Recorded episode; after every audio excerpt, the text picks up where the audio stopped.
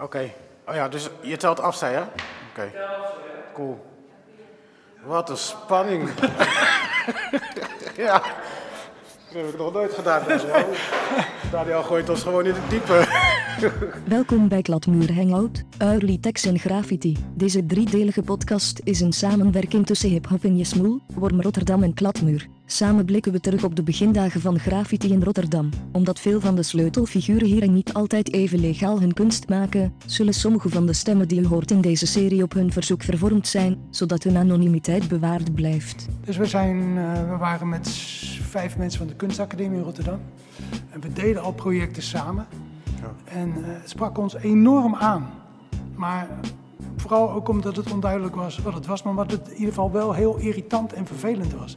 En dat leek ons wel te gek, want dat was ook hoe wij op de academie ons als groep manifesteerden. Ik wil naar die tramtunnel, weet je, daar beneden kijken wat ze hadden gespeeld. Ja, vond ik tof, weet je, weet toch. In 85 begon die grote hype. Heb ik zoveel gewelddadige incidenten meegemaakt dat het, dat het gewoon normaalste zaak van de wereld was dat mensen werden neergestoken of dat de gasten pistolen trokken of grote groepen elkaar begonnen, weet je wel. En er waren ook een soort van, van, van battles. Ja, op een gegeven moment heb ik best wel veel foto's, weet je. Ik was een keer gepakt, vroeger ben ik opgepakt, weet je. Ja. Dus een keer gedaan. Allemaal foto's in beslag genomen. En we zijn live volgens mij, dus uh, bij deze welkom bij Kladmuur Hangout.